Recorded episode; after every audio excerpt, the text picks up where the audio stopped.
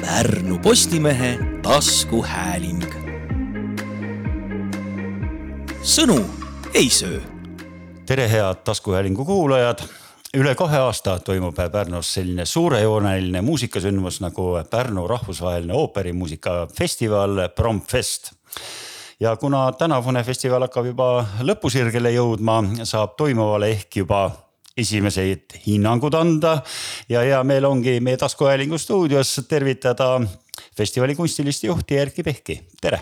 tere, tere no kogu ajalugu me jõua ära rääkida, sest see festivali ajalugu on juba, juba päris pikk, aga, aga, aga selle aasta festivalist natukene, et äh, väga vahva on teie puhul see, et, et alati tulete uue ooperilavastusega ja et kutsute lavastama inimese ähm, Eestist kedagi, kes ei ole varem, varem selle alaga kokku puutunud, et äh, sel aastal siis äh, Jules Massenet ooper Tuhkatriinu ja, ja lavastaja, koreograaf ja teatriõppejõud Jüri Nael, et kuidas teie üksteist leidsite?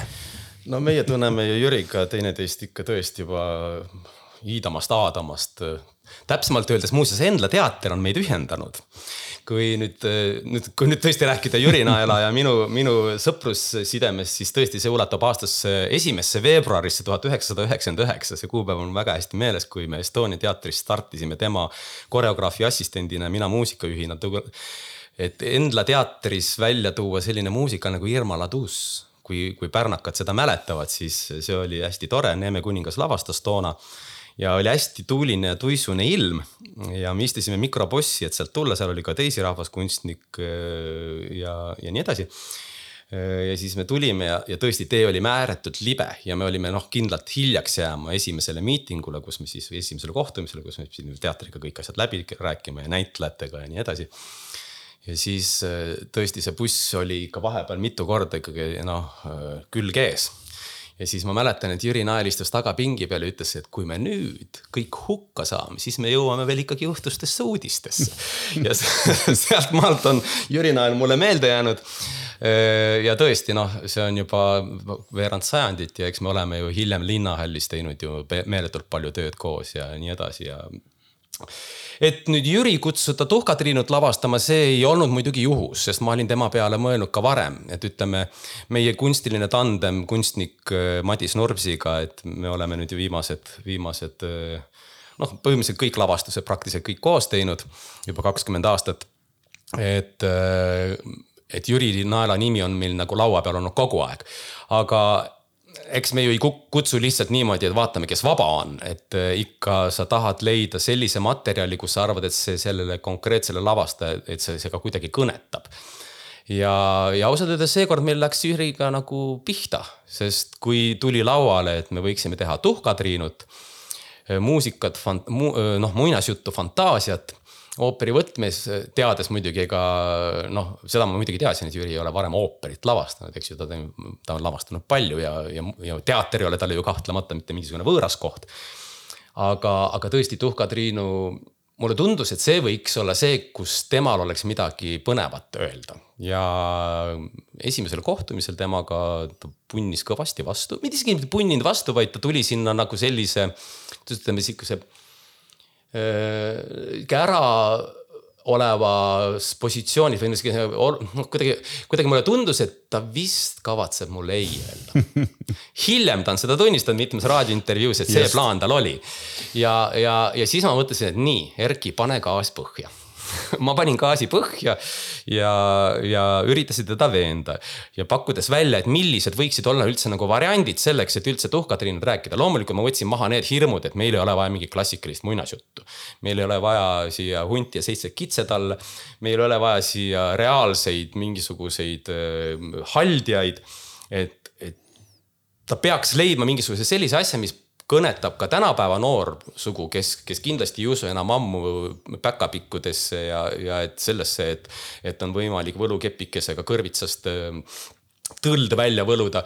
et, et see oleks kindlasti see asi, mida meie teatritegijatena teha ei taha ja, ja mida te, tõenäoliselt ka publik eriti vaadata ei taha, et me päris viieaastastele ooperit ju ei tee et see võiks olla ikkagi mõtlevale noorele inimesele, et see võiks olla nagu see põhisihtrühm ja kui siis kuuskümmend pluss ooperifanatikud sellest kõigest aru ei saa, siis see on nagu rohkem nagu nende probleem ja noh, nüüd tagasi vaadates kogu selle asja peale aru saavad kõik, et eh, noh, kes natukene kursis on selle lavastuse ideega, siis jah, tõesti. asi toimub tänapäeval, toimub tänapäevases ruumis tänapäevaste asjadega, mis meid ümbritsevad ehk mobiiltelefonid ja internet. Nii et eh, see no,, mis tema välja pakkus, see tegelikult töötas nii hästi, et ausalt öeldes noh, on hinnanguid, et see on üks meie parimaid asju mm. -hmm. seda on rõõm kuulda ja mm, tahtsin küsida, et kuidas vastukajad on, et tänaseks päevaks on need etendused läbi, aga tegelikult olete ju noh, välja tõite ju üldse selle etenduse Leedus ja, ja kuidas see korralduslik pool ja, ja, ja kuidas seal töötada oli ja, ja. ja, ja kuidas äh, seal vastu võeti ja kuidas siin vastu võeti ja mis muljed nagu on selle kohta? Vastu on võetud tõesti väga hästi, me oleme mänginud nüüd kokku neli etendust, kaks etendust Leedus, äh, publikuga peaproovi, mis oli tegelikult täismaja, mida saab ikkagi hinnata kui täisetendust. siis esietendus ja kaks etendust siis Endlas. Äh, kõik saalid on olnud täis, ütleme niimoodi, et viimati me saime täissaali kaks tuhat seitse, kui me tegime Carmenit noh, tõenäoliselt aitas siis kõvasti kaasa ka see, et Matvere tegi, Marko Matvere tegi oma ooperilavastaja debüüdi ja kindlasti aitas ka noh, Carmen, kes ei tea Carmenit ja kuidagi kui Carmenit näidatakse, siis peab ju ikka kohale minema, et. et ooper oli kuulus, äh, mida ei saa ju näiteks öelda. tuhkatriinu kohta öelda. mida ei saa öelda jah. mina pole kuulnud sellest tuhkatriinust enne. just, just, kõik teavad Rossini tuhkatriinut, aga Masne tuhkatriinust pole. ja tegelikult sellega me sooritasime ju Eestis tegelikult ka natukene ajalugu, sest selle ooperi esiettekanne toimus just nimelt siin Endla teatris Mm -hmm. et esmakordselt seda ooperit siis ka tegelikult. proovid olid teil ka siis ka siis seal ja, Leedus? et nüüd tagasi minneski siis selle Leedu juurde või ütleme, miks me seal Leedus olime. põhjus on väga lihtne, kui me jälle siinsamas Endla teatris tegime kaks tuhat üheksa Mai Murdmaa lavast tutvustas meile Masne, jälle Masne, Masne Taisi, mis toimus ka esmakordselt Eestis, vaata oh,, nad hakkavad mõtlema, ohoo, et on ikka päris toredaid asju toimunud. siis meil oli seltskonnas üks bass ja kes oli juhtumisi Vladimir Sprutnikovas, Leedu toonane juhtiv bass ja siis ta oli ka vist tol hetkel vist enam ei olnud või enam-vähem tol ajal oli ta ka Leedu kultuuriminister, juhtumisi ja võrratult sooja ja toreda inimesena ütles ta, et kuulge, et see on ju super projekt. see Tais siis toona, mm, siin on siis nüüd juba omajagu aega tagasi, et miks mitte seda näidata Leedus mina ütlesin, no mina olen ainult õnnelik, kui me saame seda produktsiooni rohkem näidata. siis me mängisime vist neli korda seda siin Endla teatris toona ja mõeldud-tehtud, tema tutvustas mind vastavatele inimestele ja pakkus välja, et Kaunase teater on niisugune hea väike, et kindlasti nemad on nõus. Ja ma sain kokku siis toona selle direktoriga ja me olime väga kau-, väga lähedal sellele, et see tõesti olekski Endla teatrist sinna siis läinud. aga kuidagi siis me ei saanud aegasid klappima, kas ei sobinud teatril või ei sobinud meie artistid, sest noh, teatavasti meie artistid tulevad kõik erinevatest riikidest et teatritööd planeeritakse nii pikalt ette. no just, noh piisavalt ja. pikalt ette, et, et noh, et aga samas hoida ühte lavastust, mida noh, Endla teater oma formaadis ju mängida ei saa, sest tal ei ole tal ei ole koori ja orkestrit äh, palgalist. et siis äh, jäigi asi niimoodi, et lõpuks ütles see direktor, et kuulge, et meil ei õnnestu seda Thaisi näidata, aga teate, teeksime järgmise asja koos ja siis, kuna järgmine etendus oli meil Attila, mille lavastas Üllar Saaremäe, noh, paned tähele, et Attila ja Saaremäe, et see on nagu siukene, et kui sa mõtled Attila materjali peale, siis kohe tuleb sulle Saaremäe nagu nägu tuleb ette, et noh. ei tea sest ta siis minu arust tegi just Macbethi või midagi sellist, eks ole. et äh, sihukest mingi, mingi sõjaline värk oli ühesõnaga too, toona, aga okei okay,, noh, see nali naljaks, et yeah. siin nüüd tagasi lihtsalt see viide sellele, et miks Jüri ja Tuhka-Triinu. aga okei okay,, see selleks ja, ja me tegime selle Kaunase teatris koostöös täiesti nagu, et lootes, et noh, et järsku sellest midagi tuleb ja see toimis väga hästi. ja järgmine, kui see meie projekt läbi sai, ütles see Kaunase teater ise. aga me tahaksime ka järgmine kord teiega koostööd teha ja nüüd olemegi, me oleme jõudnud kuuenda koostööni. see Tuhka Triinu on siis nüüd kuues lavastus Kaunasega ja tegelikult see tähendab meile, et me saame kõike sooritada kordades professionaalsemalt, mitte et Endla teater ei oleks professionaalne, kaugel sellest Endla teater iseenesest on suurepärane muusikateater, mida võib-olla inimesed ei tea, aga tegelikult Endla teatri akustika on väga hea muusikateatri tegemiseks ja tal on olemas orkestriauk ja kõik sihukesed asjad. Aga noh, lihtsalt ei ole teatril palgal orkestrit, ei ole koori ja, ja noh, rääkimata siis solistidest ja ütleme ka sihuke muusikateatri spetsiifiliseks vahe va, va, ähm, spetsiifiliseks tegemiseks vaja või tegemiseks vajalikke spetsiifilisi vahendeid ja ka know-how'd. sest kui ütleme, inspitsient, kes juhib etendust, peab ikkagi olema ju muusikalise haridusega konkreetselt ikkagi nooti lugema, sest muidu läheb lihtsalt väga keeruliseks. ja, ja nii edasi ja nii edasi ja olles siis nüüd ühes professionaalses teatris, kelle igapäevatöö ongi oopereid välja tuua. noh, me olime nagu või sees sest meil oli, varem oli see, et ma pidin iga fagotti nii-öelda ise taga ajama ja, ja koorilaulja helistas mulle, kuule, ma ei saa täna tulla, ma pean RAM-iga esinema. ja noh, see oli metsik peavalu ja no ka puhtlogistiliselt, nüüd oli see, need probleemid kõik laualt maas, sest see on teater, seal on olemas konkreetsed inimesed, kes sellega teevad. ja nüüd kokkuvõttes võibki öelda, et Promfesti kõige suurem toetaja on tegelikult Leedu maksumaksja sest meil on tegelikult partneriks Riigiteater, kelle panus sellesse ooperiprojekti oli noh, suurusjärgis sada tuhat eurot. ja loomulikult ei maksnud meie sellest sentigi, see tuli kõik äh, nii-öelda teatri planeeritud töö arvelt, ehk see. sa tõid selle raha küsimuse, kusjuures ma mõtlesin, et ma lõpupoole küsin, et kahes riigis toimub selline suurejooneline pro projekt, mis see maksab, kust te raha saate? aga kui sa jutuks juba tõid, siis räägi meile. jah, et, et nagu öeldud, et kõige suurem toetaja on äh, Leedu maksumaksja sest muidu me seda kindlasti ei oleks võimelised tegema, sest omal ajal, kui need Promfesti lavastustega sai alustada, mängis Pärnu linnaorkester, projekt Koor. loomulikult sõbrad-tuttavad kõik aitasid ja, ja noh, kui me räägime tagasi sinna Eesti krooni aega, siis olgem ausad, kõik oli ikkagi kümme korda odavam ka artistitasud ja, ja nii edasi, et me olime võimelised seda toona siiski tegema ainult toetusrahade pinnal. ja tegelikult siis ka sponsorite abil veel enne kahe tuhande kaheksanda aasta majanduskriisi, kui keegi kuulajatest sellist asja mäletab, aga oli selline majanduskriis, mis totaalselt muutis ärimeeste suhtumist äh, äh, majandusellu Eestis. Enne seda oli see väga tüüpiline, et ah oh,, teen jõulupeo, kutsun orkestri, ah oh, tead, teen seda, et kultuur tegelikult elas suhteliselt hästi, vähemalt projektipõhine kultuur, siis tehti neid suuri muusikaale linnahallis ja no, no mida kõike ei tehtud ja tundus, et äh, sponsorid oli väga kerge saada.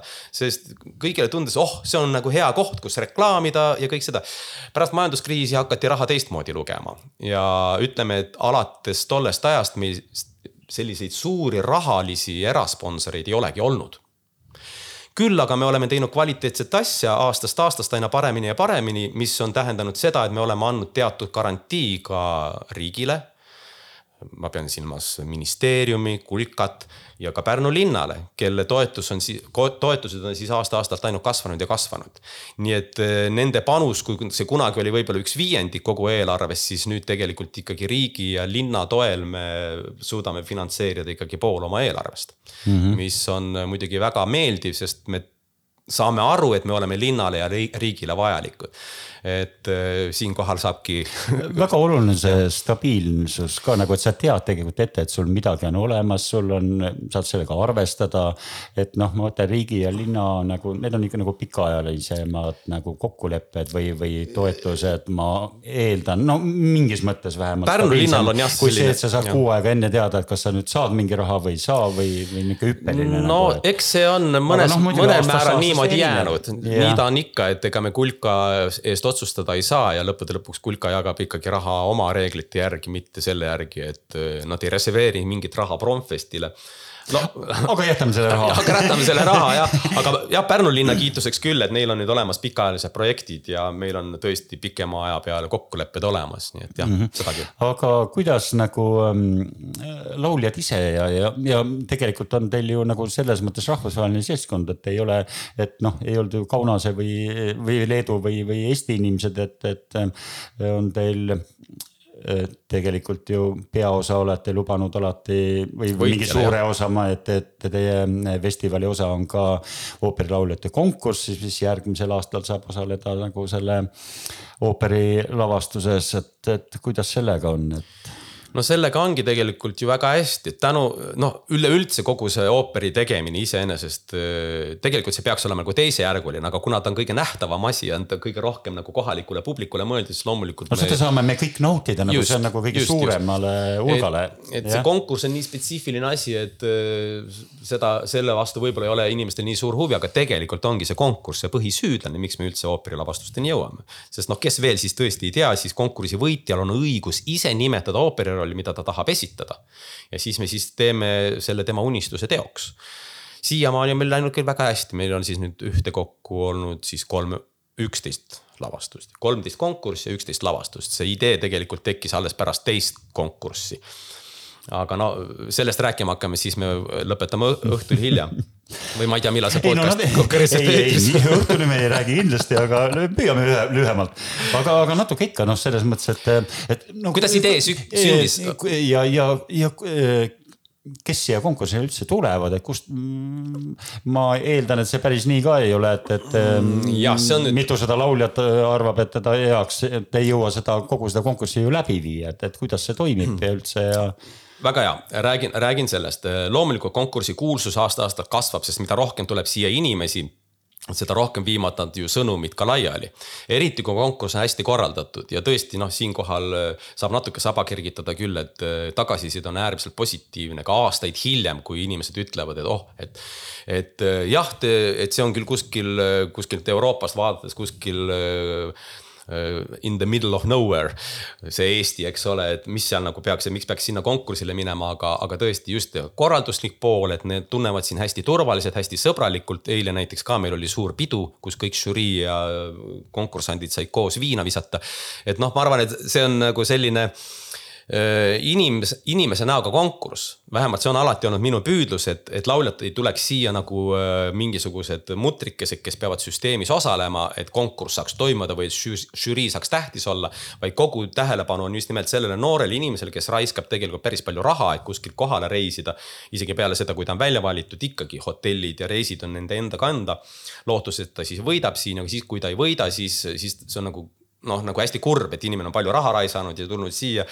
ja, ja siis ei saagi midagi ja siis veel peale selle siis öeldakse, et aitäh, et tulid ja paka, et ehm, vastupidi, me tahame nendest tõesti, me pöörame kõigile personaalset tähelepanu, me hoolitseme nende eest nii palju, kui me saame, me katsume nende olemise siin teha võimalikult sõbralikuks, et nad saaksid aru, et kõik nad on tähtsad, et nad ei ole siia. ja siit siis jõuame ka selle reeglini, et me kutsumegi siia tegelikult ainult kolmkümmend kuus lauljat mitte rohkem ja just nimelt sellesama põhimõttega, et muidu on meil eelvoorus, noh, sel aastal oli näiteks sada viiskümmend üks, on aastaid, kus meil on olnud üle kahesaja et noh, aastad ei olegi vennad ja kuidas ja kuidas ka parasjagu saavad inimesed, ega see ei ole ju niimoodi, et. et isegi võib-olla mõni laulja tahab tulla, aga kui ta teab, et tal finaalipäeval on kuskil vaja mujal esineda, siis ta konkursist osa ei võta. nii et seda ei saa nagu kunagi ette ennustada, palju registreerub esimesse vooru lauljaid. aga välja valime me ikkagi ainult need, kellel on potentsiaali jõuda finaali mis tähendab seda, et kõik need kolmkümmend kuus inimest, kui nad kohale lendavad siia, siis nad tulevad siia mitte teadmisega, noh, ma ei tea, mida muidugi nemad mõtlevad, aga meie võtame nad siia ikkagi selle teadmisega, et neil on võimalus sinna finaali jõuda. me tunneme siis noh, vähemalt mina tunnen ennast nagu eetiliselt puhtana, et ma ei ole kutsunud siia inimesi, keda ma tegelikult juba ette tean, et ega ta finaali ei jõua. sest minu meelest on see nagu noh, see ei ole õige, kui ma tean, et tänapäeval on ju kõik ju kohutavalt kallis, eriti nüüd, kus lennukipiletid on tegelikult topeltkallid. kui nad siis tulevad siia ja kulutavad viissada, kuussada eurot, et Eestisse tulla ja ma tegelikult juba tean, et ta viskab selle raha maha et noh, sellepärast me ei kutsu siia palju inimesi, et on tõesti jah konkursse, kus sa lähed ja sul on kakssada inimest ja žürii kuulab ainult esimest vooru, eks ole, kolm või neli päeva. ma arvan, et see ei ole nagu kõige õigem formaat, et lauljaid saab kuulata ja tegelikkuses kõik need sada viiskümmend üks lauljat on minu poolt läbi kuulatud koos kohalike žüriidega, nimelt toimub esimene voor. nagu erinevates kohtades. just, me käisime üle kahekümne riigi kaasa arvatud New Yorgis ja kus me, kus me, kus me ei käinud, võiks isegi küsida, et tegelikult on aastatega nüüd siis, kuna Claudia Taavi konkurss on ju tegelikult juba väga vana ikkagi. No, see konkurss oli enne, kui, kui, kui just, just, see Trumpfest tekkis, eks. just mm, -hmm. et siis nende aastatega on ju tegelikult tekkinud ju meeletud kontaktid ja eks ma olen ka pingutanud selle nimel, et neid kontaktide võrgustikku veel laiemaks ajada, sisuliselt mul on igas. no kindlasti sada protsenti igas Ida-Euroopa ja Kesk-Euroopa riigis on mul alati mingisugused tuttavad inimesed ees, kes aitavad mul seal kuidas öelda, ette sööta neid potentsiaalseid häid lauljaid. sest see ei ole lihtsalt niiviisi, et sa paned interneti kuulutuse üle ja siis kõik kõige paremad noored, noore generatsiooni Rumeenia lauljad tulevad sul kohale. ega ikka ei tule, kust, kust üldse, no infot on ju nii palju, konkursse on maailmas sadu miks nad peaksid nüüd just selle Eesti konkursi üles leidma. aga siis on mul olemas kontaktisikud, kes lähevadki, võtavad nii-öelda nööbist kinni, ütlevad, kuule, seal Eestis on üks hea konkurss, kujutad ette, sa võidad selle ja sa, sulle tehakse ooper. ja kes siis noortest inimestest tahaks ise valida, millist rolli nad laulavad, eks ole mm. -hmm. aga mm, siit ongi küsimus, et eh, kas teil on ka nagu eh, aastate jooksul tekkinud niisugused näited, et kes tänu võib-olla sellele on saanudki tuule tiibadesse või, või? ja ikka, jah, see on, see on nüüd täitsa tõsi ja samamoodi ka tegelikult see tänutunne, mis me oleme saanud hiljem sellest, et inimene on saanud mingis teatud eas laulda juba rolli, mida ta võib-olla, võib-olla kunagi ei oleks ka kunagi laulnud. ma toongi kohe selle kõige sama esimese näite, kust üldse idee liikuma läks. kui me tegime kaks tuhat kolm ehk siis teise konkursi võitjale Anna Samuilile kuidas me lavastasime tema jaoks Rigoletto, mis oli ka meie esimene koostööprojekt siin Endla teatris mis sai muidugi eelkõige tänu, teoks tänu Endla teatri kunagisele direktorile Ain Roostile, kellele siinkohal suured tervitused, kui ta seda podcast'i kuulab. sest kui tema ei oleks uskunud sellesse ja Endla teater ei oleks meile partneriks tulnud, ma arvan, et see Promfest poleks iialgi sündinud, nii et mina pean teda, Ain Roosti siis Promfesti ristisaks jah, või, või siis no emaks on vist natukene öelda või no ühesõnaga tänu temale on, on ikkagi see Promfest sündinud, olgu ta siis isa ja mina olen ema ja aga siis nüüd tagasi siis selle Anna Samuili juurde, kuna tema võitis ja ta oli nii suveräänselt, noh, toona oli muidugi lauljate tase suhteliselt erinev. tulid ikka parasjagu mehed metsast ja tulid ikkagi juba küpsed, küpsed staarid. ja Anna oli lihtsalt niivõrd peajagu teistest üle, et äh, ei olnud nagu kahtlustki, et tema selle konkursi võidab ja kui me siis pärast istusime koos ja arutasime, et noh, et vaata kui tore ja nüüd ta saab selle pataka raha ja ma ei mäleta, mis see raha siis toona oli ja et, et mis sa siis nüüd nagu teed. siis ta ütles, et noh, ma ei tea, ma lähen proovin ehk Euroopas kuskil mingisugustel audition itel, noh ettelaulmistel silma paista ja et. et ma tean, et mul seal Berliinis staatsooperas tuleb kahe kuu pärast ettelaulmine, et. et mul on võimalus sinna minna ja noh, et aga noh, et ma ei tea, et mis saab ja siis ma nagu mõtlesin, näed kui kahju, inimene tuli siia Eestisse, laulis väga hästi, saab meie käest raha. aga miks? Miks siin Pärnus, miks meie peame talle raha andma? mis sest, et ta on hea laulja, kui ta on hea laulja, ta saab seda ka kuskil mujal, ta saab minna Barcelonasse, New Yorki, sinnasamma Saksamaale ja. ja ma hakkasin mõtlema, et aga, aga miks üldse teha mingit konkurssi, ainult selleks, et mälestada Claudia Taevi, Claudia Taevi nime. see on ju väga tore, see on väga tore pärnakatele, et oma, kuidas öelda, linna aukodanikku silma, noh meeles pidada temale pühendada. aga miks nagu tegelikult üks rahvusvaheline üritus peaks siin, oleks see veel Eesti lauljate konkurss, aga noh, minul seda ambitsiooni ei olnud, et teha ainult Eesti lauljate konkurss. ma mõtlesin kohe, kui seda konkurssi teha, siis ta võiks olla ikkagi selline asi, mis toob siia rahvast, mis on Pärnule hea ja mis on nendele lauljatele, nad saavad tulla Eestisse, näha, et ka Eesti on olemas ja nii edasi ja nii edasi, no ühesõnaga neid plaane ja kihte on siin mitmeid jah, ja ooperi formaat ju võimaldab, et kui draamanäitlejatel nagu raske, et ta on keelega nii seotud, siis on see palju rahvusvahelisem. just, just ja siis ma, ja siis ma küsisin, et aga kuidagi nagu läks jutt selle peale, et ta ütles, et oh, kuidas ma tahaksin Gildat laulda. ja järsk mul prahvatas, aga miks me ei võiks talle seda võimaldada? sest toona olid juba alanud need linnahalli projektid, kus ma olin äh, tegev ja olin ise, ise juba nagu noh, oskasin noh, või noh, mul oli see know-how olemas, kuidas panna kokku projektorkestrid ja kuidas tegelikult väiksemaid selliseid üritusi korraldada ja mõtlesin, et aga tegelikult Pärnus on ju orkester olemas koori saaks ju kokku panna, Rigoletto ei ole suur massiivne ooper, see on tegelikult suhteliselt kammerlik ooper, väga vähe peategelasi. Koor on ka ainult meeskoor ja selleks, et minna Gildat röövima, ei ole sul vaja neljakümmend meest lavale, piisab ju tegelikult käputäiest. ja ma küsisin, aga kui me kahe aasta pärast teeksime Rigoletto kas sa tuleksid meile Gildat laulma?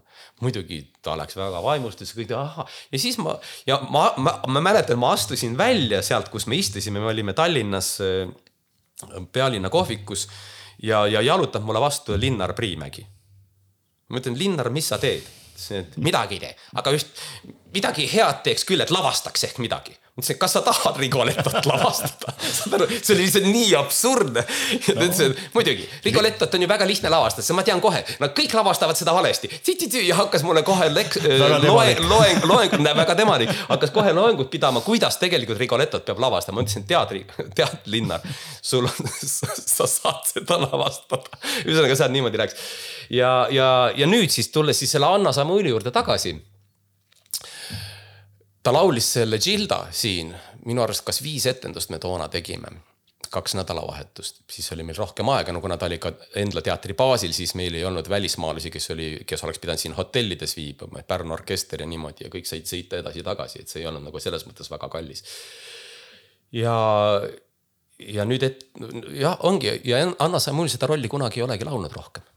ja ometigi ta tahtis seda väga laulda, miks ta pole laulnud, sest ta sai Saksamaale staatsoperasse solistiks. toona oli ta noor solist, talle seda rolli ei pakutud, sest küpsemad solistid pidi seda laulma, aga aegade jooksul tema hääl muutus ja muutus palju dramaatilisemaks. ja ta enam ülevalt neid nii-öelda noote ei olnud, sest ta arenes hoopis teises suunas sest ta oli sihuke suur kasvunaine ja noh, nendel on potentsiaal muuta nagu ro muutuda rohkem dramaatilisteks. ehk tegelikult ta laulab ju palju, ta on siiamaani Berliini staatsoopera esisopran, aga Gilda, mis on mõeldud kõrgele korratuursopranile, no sellest, noh, sellest ta peab suu puhtaks pühkima, seda ta enam kunagi laulda ei saa mm. -hmm. nii et me tegime tema unistuse teoks. ehk kokkuvõtvalt siis ähm, äh, sellest saigi see idee nagu, et, et, et ei pea suurt rahasummat käia, vaid äh, anname tagasi ka publikule ja kõigele Just. Äh, mingi etenduse näol sellega. just ja ongi ja. ja siis on põhjust, miks me seda siin Eestis teeme. Eesti mm. publik saab ka tagasi ehk tegelikult, kui Eesti publik tuleb nüüd, siis äh, millal see meil e eetris on? Täna-homme? Eh, tegelikult on laupäeval, siis on juba festival lõppenud no,, okay. aga, aga me no. räägime praegu neljapäeval ja, ja, ja ei ole veel tänavuse konkursi võitja selgunud. ei ole veel võitja selgunud, aga kui te siis eile käisite siis kuulamas arvestades, et me oleme eetris laupäeval. kui te eile käisite siis kuulamas ja andsite oma panuse selleks, et ka publik saab öelda, keda nemad tahaksid näha oma lemmikuna siin kahe aasta pärast tagasi, siis, siis loodame, et tegite õige valiku ja see inimene siis ka üllatab meid mingisuguse väga toreda ooperiga mm. -hmm. aga räägime natuke sellest ka paar sõna, et eh, kes eh, tänavu eh, oli see, kes sai oma rolli valida ja, ja Poolast oli. ehk siis eelmise aasta ja, võitja, eelmise aasta võitja. eelmise korra võitja, siis Eel... kahe aasta tagant. jah, vabandust ja., eelmise korra võitja oli siis Poola metsosopran Susanna Naljevajak sihuke vahva nimega, ma mäletan, et kui meil oli veel enne finaali sihukene väikene viina võtmine, siis, siis kui ma valasin talle viina, siis ma ütlesin, et Susanna, kas sa tahad, et ma naljavajaks sulle natukene mm. veini. ja siis see läks väga hästi talle peale, ta ei ole väga üldse saanud, aga noh, naljad naljadeks. ja toona ma muidugi ei teadnud, et tema võidab. aga ta võitis, võitis suhteliselt selgelt. sest ta kui ta nagu konkursi jooksul äh, oli nagu noh, ta oli väga tugev laulja, aga ta jäi nagu natukene tahaplaanil, sest olid sellised eredamad näod nagu olemas. aga tema tuli tegelikult täiesti ilma igasuguse, see oli tema elu esimene suurem konkurss. ta ei olnud varem nendel osalenud ja, ja ta on hästi viisakas, tore Poola maatüdruk et tema ei, ei oska kohe rinde ees minna ja seal noh, ühesõnaga, eks ju, noorte lauljate karakterid on erinevad ja kellel kuhu miski, miski märk on maha pandud ja kes oskab ennast paremini müüa, kes vähem. ta oli hästi tagasihoidlik, siukene, siukene täielik tuhkatriinu, siukene. ja võib ka niiviisi öelda, et Susanna elus oligi see nagu suur tuhkatriinu mäng, sest tegelikult äh, oli ta lihtsalt õppis ooperiakadeemias ja ta tahtis nagu lauljaks saada, aga, aga noh, talle alati nagu ütles, et noh, noh, teised nagu on ju nii palju paremad kui mina, et ah, nüüd mis mina, et aga noh, ma siis tulen siis no.. Polnud seda enesekindlust veel tal, tekkinud? no ilmselt tal oli mingi teatud enesekindlus ja ta väga armastas laulda, aga tal ei olnud seda, et nii, mina tahan nüüd lauljaks saada ja nüüd maa või must, mina lähen rinde ees ja, ja murran endale teed sinna, et saada kunagi kuulsaks ooperilauljaks aga ma võin, ma võin ennustada, et tast, me kuuleme temast veel, veel kõvasti. tegemist on äärmiselt talendika ja noore inimesega. aga kuidas ta selle rolliga hakkama sai, et noh, kuidas sina Just, hindad nagu, et, et. see rolliga ta sai minu meelest geniaalselt hakkama, see, ta selgus, et ta on selle kahe aastaga nüüd arenenud veel nii palju edasi, ta hääl on muutunud erakordselt suureks, aga samas väga mahlakaks ja väga peeneks, nii et ta laulab suurepäraselt ka vaikselt aga tõenäoliselt ootavad teda nagu suured teatrilavad, et ta ei ole, ütleme, kui ooperilauljad on tegelikult kahte sorti suuremate häältega, kes saavad kuskil Bolšois ja ütleme Varssavi suur teater, kuigi teate, siis see on isegi minu arust suurem kui, kui Moskva Bolšoi et eh, see on erakordselt suur teater, isegi nimetuses on olemas teater Vjelki, et suur teater, et. ei ole käinud, aga. ja ta on nüüd selle teatri noorsolist. selle kahe aastaga on teinud sihukese hüppe ja, ja laulab seal oma esimesi rolle aga toona siis jah, et kui me ta välja valisime, et äh, meil läks päris kaks kuud aega, enne kui ta siis lõpuks selle äh, tuhkatriinu lauale tõi, sest äh, noh, tagasihoidliku inimesena ta polnud kunagi selle peale mõelnud, mida ta tegelikult tahaks ta nagu oleks tahtnud seda ja nagu tahtnud toda ja siis ta ütles, et no võiks ju siis Karmenit ma mõtlesin, et võib-olla Karmenit me ei teeks, sest Karmenit me oleme nagu teinud.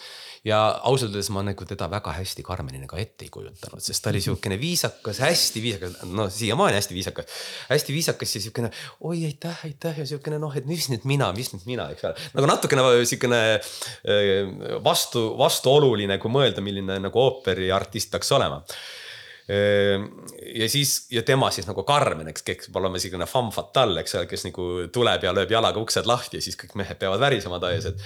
et noh, seda ma nagu temas ei näinud, aga noh, ta mõtles, et noh, et see hääleliselt sobib, see tõesti hääles, puht hääleliselt sobib see Karmeni roll talle hästi. et järsku me mõtleme siiski veel. ja siis ta ütles, et jah, et okei okay,, et ma siis nagu natukene mõtlen, sest no, no ta ei olnud selline nagu tol hetkel. ja, ja siis ja üks päev ta siis kirjutab mulle Facebooki, et kuule, et aga ma tahaks vist tuhkatriinut teha. ja mina ütlesin, et Rossini tuhkatriinu, kas sul on need koloratuurid kõik olemas, et ma nagu ei mäleta, et sa oleksid nagu sellist repertuaari laulnud, sest ma olen pigem näinud teda sellise tsentraalse metsona või, või ütleme, niisugune lüürilise metsona kes ei ole nagu selline koloratuursopp, noh, see on väga spetsiifiline žanr, ühesõnaga, et ta neid kiireid noote minu arust nagu ei olnud laulnud ja ma ei olnud neid kuulnud, et kui sul on need olemas, me võime muidugi proovida, sest et ei, ei, ei, mitte Rossini, vaid Massenet aga mina armastan, ma üldse armastan prantsuse muusikat, ma muidugi läksin väga põnevaks. minu teada, sest minul oli nagu mälestus, et see. see on vist nagu selline romantika nagu ajastu. ja, ja, ja see on, see on kirjutatud äh, üheksateistkümnenda sajandi alguses. ja, ja siis ma mõtlesin, et oi, see on ju väga tore küll, aga minu teada on see soprani rollis, et ei, ei, ei, ma nagu õpetajaga ka rääkisin, tema ütles ka, et see on Metsoole mina olen Vikipeedia lahti, seal seisab sopran. siis ma lõin lahti, vaatasin, et mis siis nagu Masne ise on kirjutanud, siis, siis vaatasin Masnees ja siis jõudsin, ongi metsosopran. ja siis mul tuli meelde see tegelikult, et see on väga, ma olin seda kunagi Berliinis näinud mingi kaheksa aastat tagasi, seda etendust ja, ja mul tuli meelde, et see oli sihukene ooper, ma mõtlesin, oh seda võiks kunagi teha, kui mingisugune hea sopran võidab. ja nüüd siis tuli see lauale ja siis ma hakkasin uurima, sobib täpselt tema häälele. ja kui ta ise seda valida tahtis, selgub, seda pole Eestis kunagi mängitud, neid boonuseid oli kohe väga palju, Leedus polnud kunagi mängitud, nüüd sellest tuli ka Leedu esietendus. ja nüüd, kui me siis äh, kallistasime pärast viimast etendust siin Endla teatrilaval siis ta ütles, et tead, Erki, et ma olen saanud selle kahe aastaga nii palju enesekindlust ma tahan, mul on soovid tekkinud ja siis ma vaatan, ta silmavaade ei ole enam see tüdruk, kes oli kaks aastat tagasi, kui ta konkursi võitis. selles oli juba sellist, ahaa, ma võin, ma suudan. ja, ja, ja ma arvan, et tema tähelend tuleb äh, väga ilus ja Erki, lõpetuseks, et äh, hea meelega kuulaks sind tundide kaupa. jaa, mul oleks palju rääkida aga ähm, lõpetuseks, et äh, nagu ma aru saan sinu sellest kõigest jutust ja, ja nendest headest emotsioonidest ja valikutest, mida teha, et, et lähete selle festivaliga ikka edasi? no ikka lähme. siin oli momente ja ei saa öelda, et see festival äh, ei ole kunagi olnud ju tulutoov asi, üleüldse süvamuusikat või teatrit või mida iganes süvakunsti tehes, festivale tehes, ma usun, et mitte ükski korraldaja ei saa öelda, et nad upuvad rahasse, et pigem alati on see selle piiri peal, et kas saab, kas veab välja või ei vea. on olnud aastaid, mis on olnud sügavas miinuses õnneks dirigendina noh, ma ikkagi teenin raha ja siis saab ikkagi niiviisi vargsid nii.... aga sa oled alati dirigendi puldis olnud või on? ma olen, ma olen selle festivali kõige odavam dirigent. Et äh, ma võiksin ju kutsuda Tõnu Kaljuste või Neeme Järvi juhatama, aga ma arvan, et festivali eelarve ei peaks vastu. Et see on nagu see põhipõhjus. Ja muidugi, eks, eks, eks mul on muidugi ka see huvi ikkagi endal olemas, et olla kogu protsessi, kogu protsessi sees, mitte ainult ka korraldajana, vaid ka ikkagi äh, loomingulise looming, loomingulisena, loominguliselt, et et jah, on olnud momente, kus ma olen mõelnud, et ilmselt on see viimane kord, sest kui ma siit august välja ei roni, et siis noh, siis lihtsalt ei saa. Aga mis on see vedru olnud, miks ma ei ole püssi põõsasse visanud, on ikka puhtalt see, et aga miks ma siis seda kõike teinud olen. ja, ja aastaid teinud ja, ja väga palju ilusaid momente ja neid tänulikke inimesi publikust kuni siis tõesti nende noorte inimesteni välja ja, ja sellele meeletut meeletult suurele sõpruskonnale, mis on tekkinud ja nendele meeletult paljudele kontaktidele üle Euroopa muusika, ooperimuusika elu, et. et äh, siis ma nagu pühiksin selle kõik kuskile lihtsalt nurka ja, ja miks, miks siis, ühesõnaga, kui nüüd nagu seisma jääda, siis äh, noh. ja mina omalt poolt äh, tunnustaks nagu teid selle poolest, et te ei Äh, selle festivaliga, te ei too mingit valmisproduktsiooni sisse või, või, või vaid te annate kellelegi lootust, pakute talle võimalusi nii mõnele Eesti lavastajale kui ka nendele mm, ooper, mis on nagu põhiline, et nendele mm, alustavatele ooperilauljatele, et, et see on minu meelest, et see on nagu tuleviku töötamise, mingi lootuse andmise, et selles on ka nagu selline mm, kus see nagu hea idee nagu sees, et jah, nii ta tegelikult on, sest teha lihtsalt ooperifestivali, äh, kutsuda, korraldada kellelegi gastrolle, et noh, see ei ole jah, tõesti see idee, nii et. et meie festivali spetsiifika on totaalselt teine, et see ei ole küll suur festival, eks ju, tegelikult toimub paar etendust ooperit. Äh, toimub konkurss, äh, toimuvad võib-olla väiksemad meistriklassid ja võib-olla mingisuguse kontserdi vahel on rohkem, vahel vähem.